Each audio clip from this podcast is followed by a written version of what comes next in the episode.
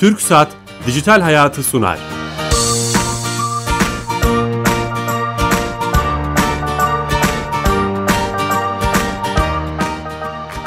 Herkese merhaba, ben Bilal Eren. Her cuma saat 15.30'da TRT Radyo 1 mikrofonlarında teknoloji, internet ve sosyal medyanın hayatımıza etkilediğini konuştuğumuz Dijital Hayat programımıza hoş geldiniz. Bugün çok değerli bir konuğumuz var ve önemli bir konumuz var. Kamunun iletişim ihtiyacını konuşacağız.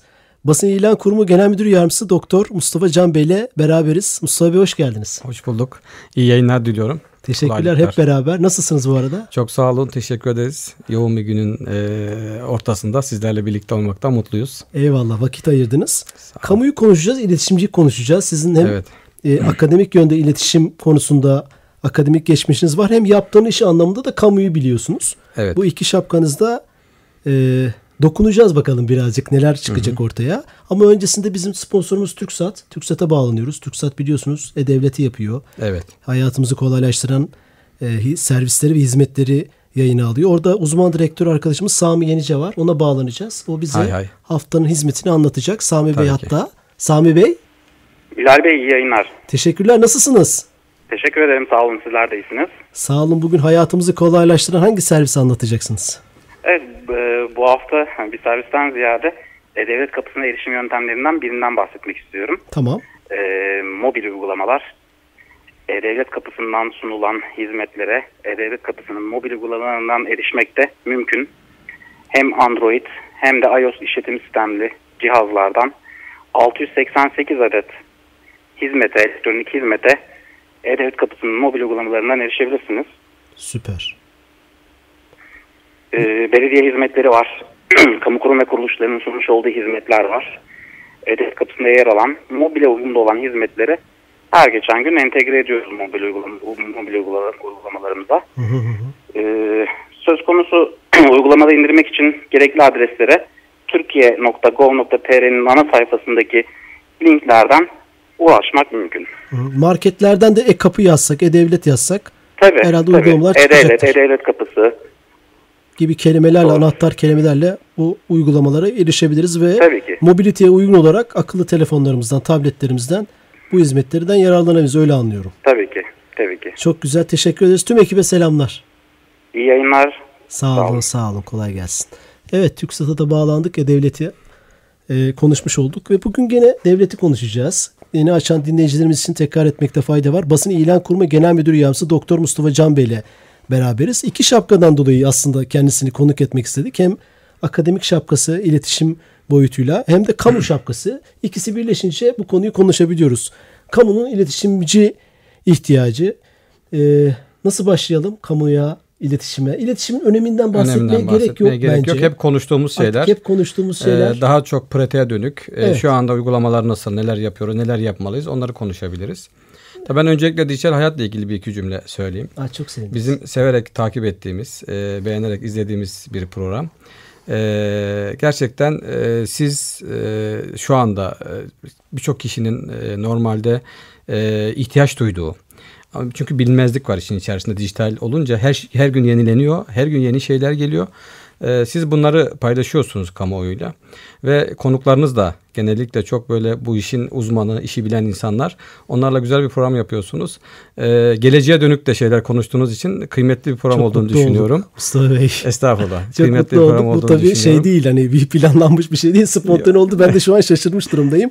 çok teşekkürler. Takip edilmek güzel. Hani bu korkunç bir siyasi gündem var. Tabii ki bizden de kaynaklanan, bizden kaynaklanmayan. Bu gündemin içinde acaba interneti mesela iletişim boyutuyla hı hı. nerede iyi şeyler yapıyoruz, nerede kötü şeyler hı hı. yapıyoruz, neleri bilmemiz lazım, neler, onu gündem yapmaya çalışıyoruz. Bu 122. haftamız, 122 haftadır. Teşekkür ederiz. Ee, önemli bir konu. Güzel şeyler yapıyorsunuz. Eyvallah, Güzel şeyler çok yapıyorsunuz.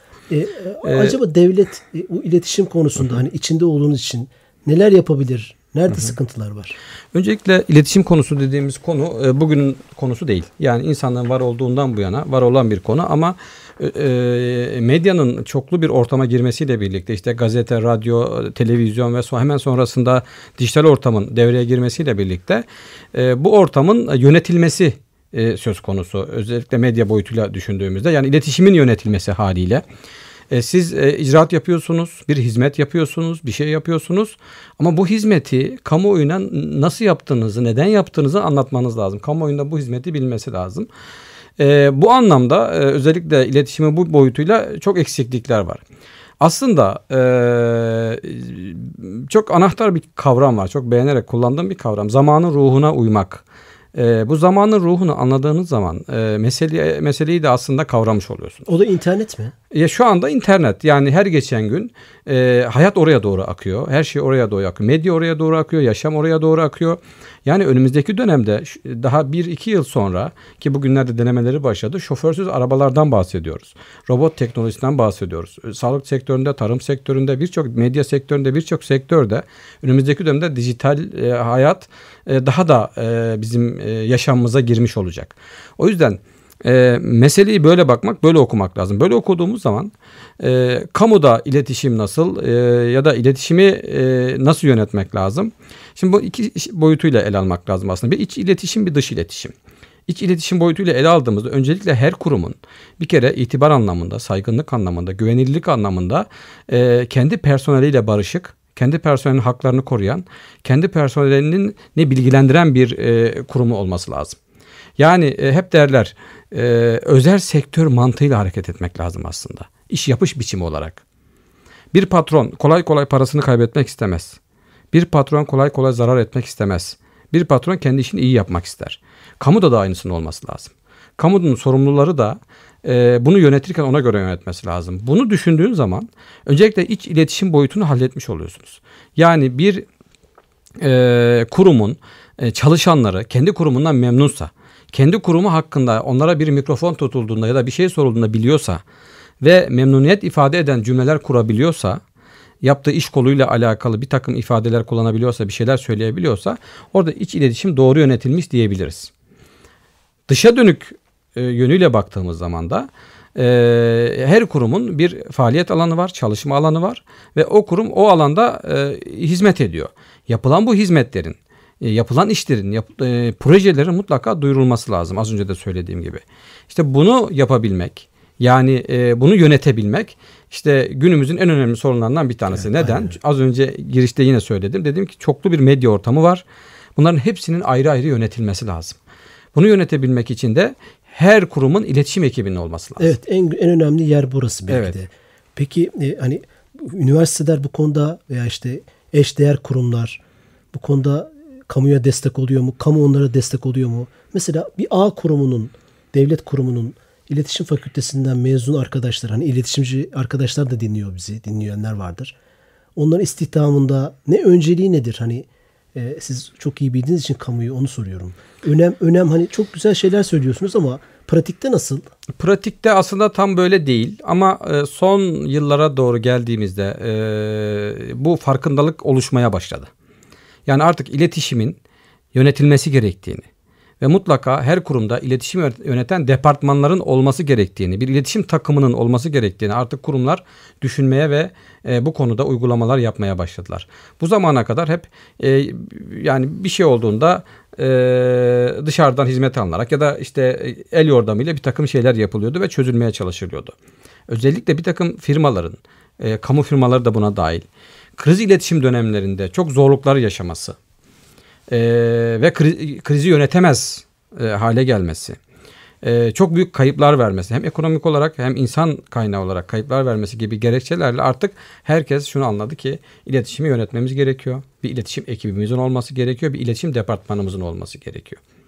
Ve bu iletişim departmanı... Farkındalık oluştu mu yani? Onu... O, onun oluştuğunu işte artık yavaş yavaş oluşmaya başladığını söylemek istiyorum ama şu var e, özellikle üniversitelerde çok yoğun bir şey yetişiyor. Yani iletişimci yetişiyor.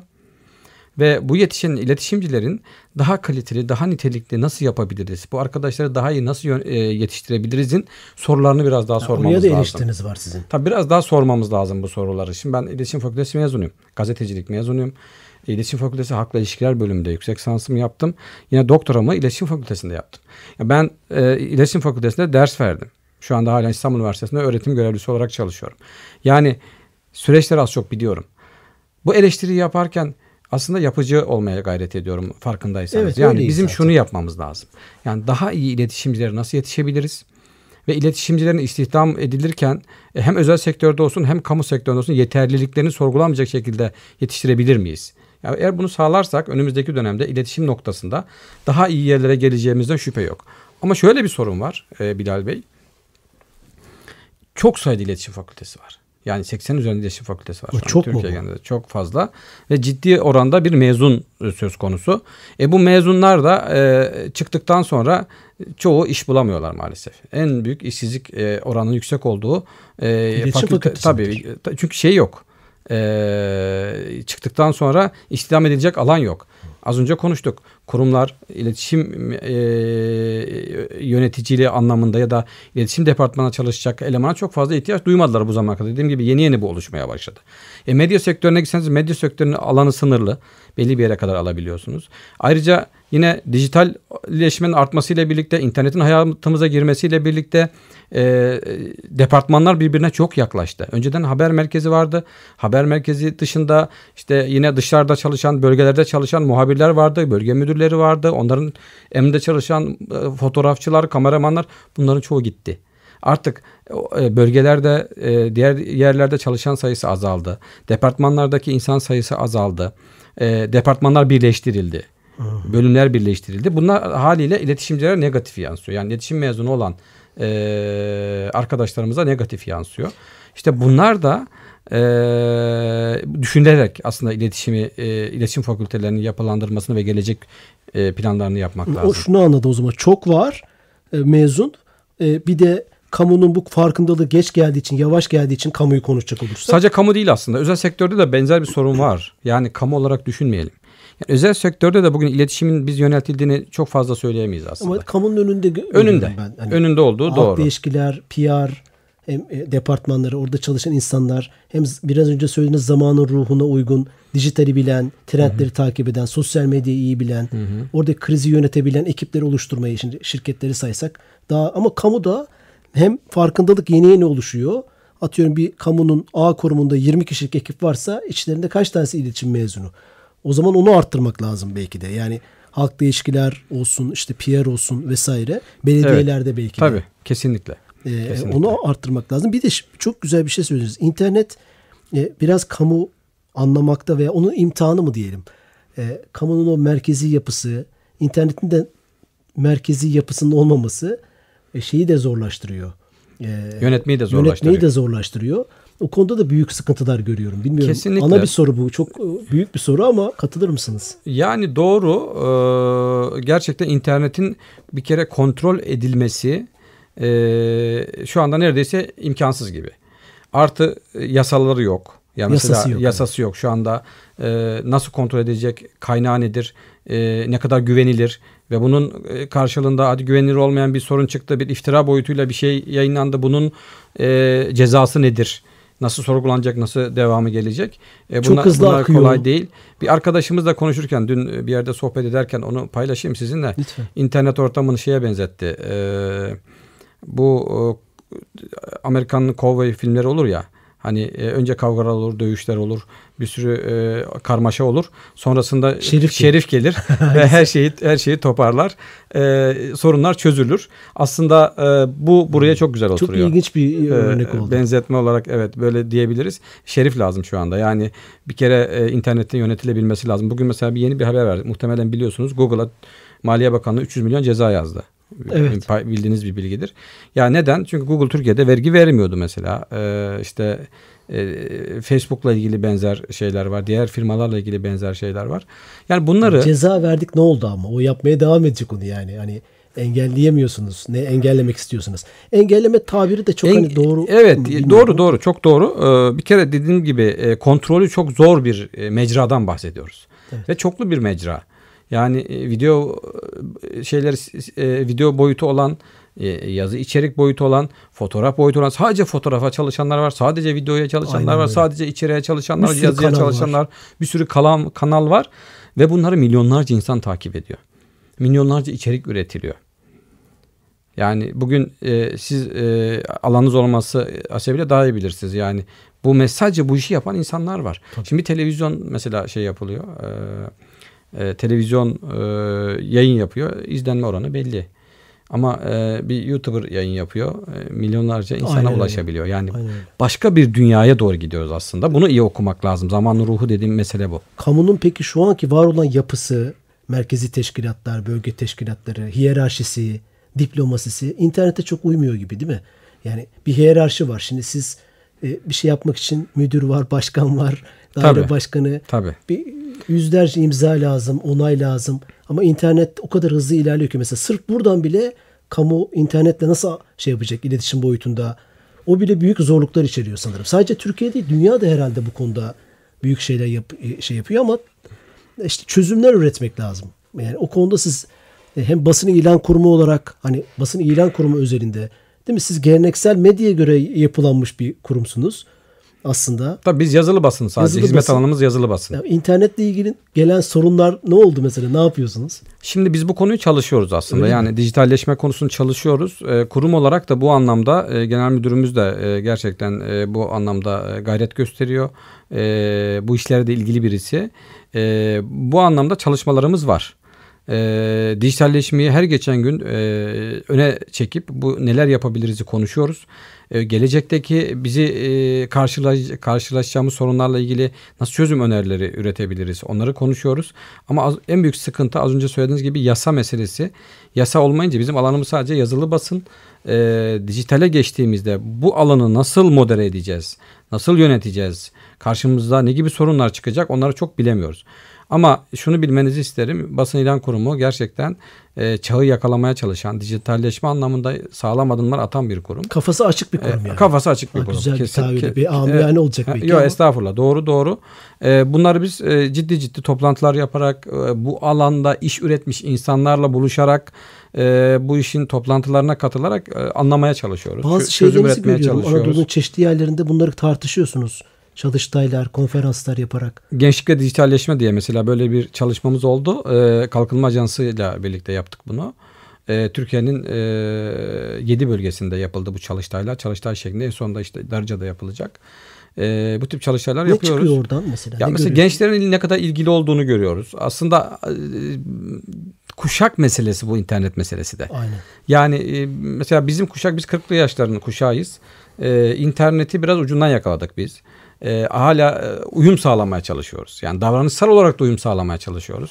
İşte yeni e, doğan bir e, e, neslin ya da işte genç neslin diyelim internet kullanımıyla, internete yaklaşımıyla, bakışıyla bizim bakışımız arasında çok fark var. Bazı kavramlar bize mesela çok yabancı gibi gelebiliyor.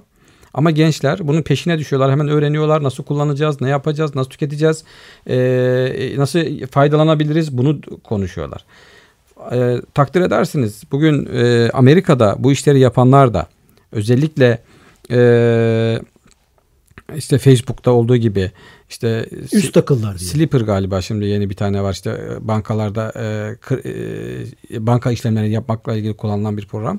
Mesela o insanların işte daha yeni okudum 26 yaşında, 25 yaşında, e, 20'li yaşlarda insanlar. Yani onlar bu işleri daha iyi üretiyorlar. Gençler bu işlere daha yatkın. E, haliyle e, her gelen kuşak dijitalin içerisine, içerisinde doğduğu için yaşamda dijitale doğru akıyor. E, bu bizi e, otomatik olarak etkiliyor. Mesela gelecek bilimciler e, 2030'lu ve 2040'lı yıllarda e, artık basılı mecraların olmayacağını söylüyorlar. Çok ilginç şeyler söylüyorlar. Yani Dergi, kitap, gazete gibi şeyler Tabii. basılmayacak. Her şey basılmayacak diyorlar. olacak. Yine geçtiğimiz günlerde bir yerde okumuştum. Ee, 1998 yılında Kodak'ta 170 bin kişi çalışıyormuş. 170 Fotoğraf şirketi değil mi? Fotoğraf, makinesi şirketi. İşte 3-4 yıl sonra dijital makineler çıkınca Bu iflas firma ediyor. var mı bilmiyoruz. İflas işte. ediyor galiba. Yanlış hatırlamıyorsam iflas ediyor. Evet. Yani İşte özel insan değişirken kamuda değişiyor mu? ne? Onu merak ediyorum aslında. Yani evet güzel bir soru değişiyor. değişiyor mu? Kesinlikle değişiyor. Ben e, şu anda kamunun e, mantık olarak e, dijitalleşme anlamında e, özelden çok geri kalmadığını düşünüyorum. Bunu nereden bakabiliriz? Mesela bankalar örneğine bakalım. Bugün özel bankalarla kamu bankaları açısından baktığımız zaman e, hiçbirisinin diğerinden geri kalır yanı yok yani. Evet yarışıyorlar. Yarışıyorlar. Bu devlette diğer kurumlarda da böyle. Aslında ciddi anlamda dijitale yatırım yapılıyor. Tamam e, şey sonradan başladı. E, kervan Yolda düzülüyor. Biraz Türkiye belki bu konuda geç kalmış olabilir. Ama e, Türkiye'nin çok önemsediği açık ki Başbakanımızın bu konuda direkt açıklaması var biliyorsunuz yani. Bu alana yatırım yapan, bu alanı ciddi anlamda çalışıyor kamu. Önümüzdeki dönemde e, bunun artarak da devam edeceği aşikar. Ben bir şey Çünkü okumuştum. hayat oraya doğru Araya akıyor. girmek istiyorum. Hemen aklıma geldi başbakan deyince. Sayın Davutoğlu döneminde bir açıklama yapmıştı. Her kaymakamın yanına bir iletişimci vereceğiz. Her kaymakamın işte bin küsür kaymakam bir iletişim mezunu birine vereceğiz. O da hani ona destek olacak. Bu eksiklerden bahsettik ya. Bilmiyorum o ne oldu sonra o devam etti mi o proje? Çok hoşuma gitmişti hani o o zamanki o söylem. Demek ki gerçekten hani farkındalık var dediniz ya farkındalık var. Çünkü hem doğudaki olaylar, siyasi olaylar, toplumsal hareketler bir sürü Türkiye çok hani hareketli günler yaşadığı zaman iletişimciye çok ihtiyaç duyulduğunu görmüştük biz yani yöneticilerin e, olay geçiyor yönetici o konuda tek kelime etmiyor ama internet köpürmüş gitmiş o konuda hakkında. İşte mesela. kriz iletişimi boyutu o Kriz boyut iletişimi. yani orada onu farkındalığı e, bilmek gerekiyor ki siz e, mesele e, daha başlar başlamaz belli aşamaya gelmeden onun önüne geçebilmeniz lazım. Ya da meseleye müdahale etmeniz lazım. İşte nasıl yöneteceğinizi bilmeniz lazım. Mesela iletişimin işte kim açıklama yapacak bunun bilinmesi Kim lazım. yapacak? Yani mesela iletişimde çok önemli bir noktadır. E, iletişim tek elden yönetilir. Bir kişi açıklama yapar ya da iki kişi. Belirlenir bunlar takım olarak. E, kimin ne yapacağı bellidir. Sosyal medyaya kim yöneteceği bellidir. Nasıl cevap verileceği bellidir. Siz bunları önceden çalışırsanız aslında iletişim iki şekilde değerlendirebiliriz. Bir e, reaktif iletişim bir de proaktif iletişim. Şu ko- konuştuğumuz Ne demek bu. onlar? E, reaktif iletişim dediğimiz mesele olduktan sonra herhangi bir olay olduktan sonra e, bir mesele artık e, iş işten geçtikten sonra diyelim Türkçe kavramıyla e, tepki verme. Reaktif yani e, siz onun peş, bu kez sorunun peşinden koşar hale geliyorsunuz. Sorunun peşinden koşar. İnternette çok tehlikeli bir şey değil mi o? İnternet Tabii kesinlikle yakalayamazsınız yani. Yakalayamazsın. E, bir de proaktif var. Proaktif de öngörmek. Önceden neler olabilir? Ne gibi sorunlar yaşayabiliriz? Ne gibi sıkıntılar yaşayabiliriz? Ve e, bunu öngörerek bir takım hazırlıklar yapmak. İşte iletişim ekibini hazır tutmak. iletişim departmanını hazır bulundurmak. Kullanabileceğin materyalin elinin altında olması. Ve bunun için hazırlıklar yapmak. Dijital istihbarata uygundur değil mi? Belki bir istihbarat yapmak. Belki tabii istihbarat yapmak. Aynen dediğiniz gibi yani bilgi sahibi olmak konularla alakalı. Şimdi e, bunun çok aslında örnekleri var. E, yanlış hatırlamıyorsam büyük bir petrol şirketi e, bu konuyu işte petrol e, tankeri batıyor Kuzey Denizi'nde. Tanker battıktan sonra e, ismini de biliyorum da vermeyeyim. Tanker battıktan sonra uzun süre e, işte eleştiriliyor. Medyada haberleri çıkıyor falan. E, ciddi anlamda bir çevre felaketine sebebiyet veriyor. Fakat e, şeyi e, iletişimi yönetmediği için ve bunu da, meseleyi de önemsemiş için mesela her geçen gün büyüyor büyüyor büyüyor. Sonradan anlıyorlar meseleyi. Meselenin ne kadar büyüdüğünü fark ediyorlar. Borsada hisseleri var falan. Te- toparlamaya çalışıyorlar. Bu kez daha büyük paralar harcıyorlar. Toparlamak için de e, ekstra bir zorluk yaşıyorlar. Ve, ve e, anlıyorlar ki yani iletişim e, önceden yönetilmesi gereken bir meseledir yani. Buradan çıkan şey bu. Geçenlerde bir gıda firmamız biliyorsunuz bir iş oldu. Buradan söyleyelim Ülker'le alakalı bir reklamı Reklam, vardı. evet, Mutlulukla ilgili nasıl büyüdü, nerelere gitti. Tabii. Dijitalde iletişim, düzgün müdahale etmek lazım vesaire. Yani zamanı çok önemli. İletişimin zamanı e, gerçekten e, eğer tutturamazsanız o altın noktayı orada sıkıntı yaşarsınız. İşte kamuda bu hiyerarşi düzende bu zaman önceden planlanmalı. Yoksa ondan izin alayım, bundan onay alayım derken değil mi? En büyük problem o gözüküyor. yani önceden simüle etmek lazım. simüle Yani etmek lazım. Çalışmak Bravo, lazım. Süper. Yani siz bunu önceden simüle eder çalışırsanız meseleyi e, e, bilirsiniz. Başınıza bir şey geldiğinde de bunun e, iletişimini yönetmeye hazırsınızdır. Ha şu var. Yani hasarsız atlatmak mümkün olmayabilir.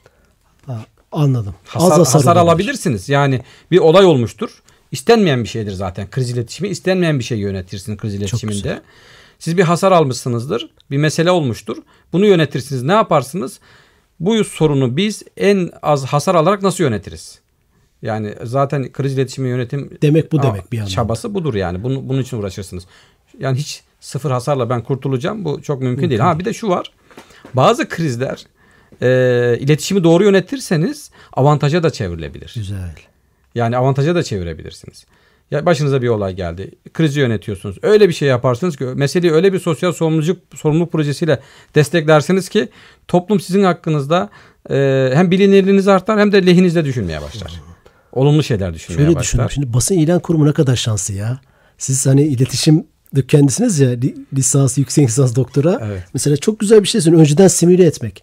Kamunun olayları önceden bir senaryo yapmak değil mi? Senaryo üzerinden çalışmak. Kesinlikle. Stratejilerini Tabii. yönetmek. Tabii. Aslında çok önemli şeyler söylediniz. Son bir dakikada zaman Çok o kadar çok, çabuk konuşulacak geçti. şeyler var ki Evet. çok böyle işi bilen biriyle konuşunca bir de çok keyifli oluyor. Estağfurullah, Tekrar estağfurullah. fayda var e, hatırlatmakta. Basın İlan Kurumu Genel Müdür Yardımcısı Doktor Mustafa Can Bey ile beraberiz. Kamunun iletişim ihtiyacını, iletişimci ihtiyacını konuşuyoruz. Son bir dakikada şunu soracağım. E, iletişimci arkadaşlara ne yapmaları lazım yeni dönem için kamu kamuda görev alacak? Hani ne de böyle hap birkaç şey söyleyebilir misiniz? Bir kere e, çok iyi eğitim almaları gerekiyor, dil bilmeleri gerekiyor. E, bu çok klasiktir ama e, rekabet çok fazla. O yüzden kamuda e, artık personel alırken bakıyor yani CV'ye bakıyor. Yani sizin yarışabilmeniz için, güçlü olabilmeniz için e, bir kere iyi eğitimli birisi olmanız lazım. E, ve e, mutlaka ve mutlaka e, bu eğitimi de e, pratikle bir şekilde e, işe başlamadan önce desteklemeniz lazım. Ha yani okurken mesela bir yerlerde çalışmak. Bir yerlerde gibi. çalışmak tabii. Yani o e, staj imkanlarını iyi değerlendirmek lazım. Siz e, bu, bu, iyi bir eğitimliyseniz ve işe giderken işi bilen birisi olarak, pratik uygulamayı da bilen birisi olarak orada bulunabiliyorsanız o kurumda işe alma şansınız yüksek olur. E, dezavantajlar var. Dediğim gibi istihdam boyutuyla alakalı sorunlar var. Ama aşılamayacak sorunlar değil. Türkiye büyüyen bir ülke, Türkiye güçlenen bir ülke, gelişen bir ülke. Dünyanın önemli ülkelerinden bir tanesi. Özellikle medya sektörü, iletişim sektörü ciddi bir gelişim potansiyeli olan bir sektör. Büyüme potansiyeli olan bir sektör. E, o anlamda iş imkanları var. Ama dediğim gibi buna hazırlıklı olmak lazım. E, firmalara iş başvurusu için giderken, kamuya da gelirken e, bak çok önemli bir şey söylüyorum aslında. Özel sektöre giriyormuş gibi kamuya gitmek lazım. Özel süper. Yani özel öyle sektöre özel giriyormuş. sektöre hazırlanıyormuş gibi de kamuya gitmek lazım. Buradan tüm iletişimci adaylarına, iletişimci arkadaşlara duyurulur.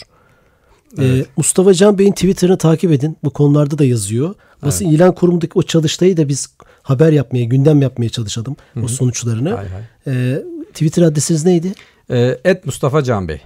Mustafa Can Bey. Mustafa takip Can edin Bey. lütfen Evet. diyoruz ve programın sonuna geldik. Evet, Çok çok, şey teşekkür var, ederim ama çok hızlı konuştuk. geçti. Çok hızlı geçti. Yani Zaman bu kadar. Bir sürü sorun var dediniz. Soruların bir kısmını Her şeyi konuşmuş, konuşmaya çalıştık ama Ee, zaman kısıtlı. Umarım küçük de olsa katkımız olmuştur. Çok ya- oldu. e, Çok teşekkürler. Ayağınıza sağlık. Haftaya yeni konu ve konuklarla beraber olacağız. Dijital Hayat programımızın tüm kayıtlarına YouTube kanalımızdan ulaşabilirsiniz. İyi hafta sonları. Hoşçakalın.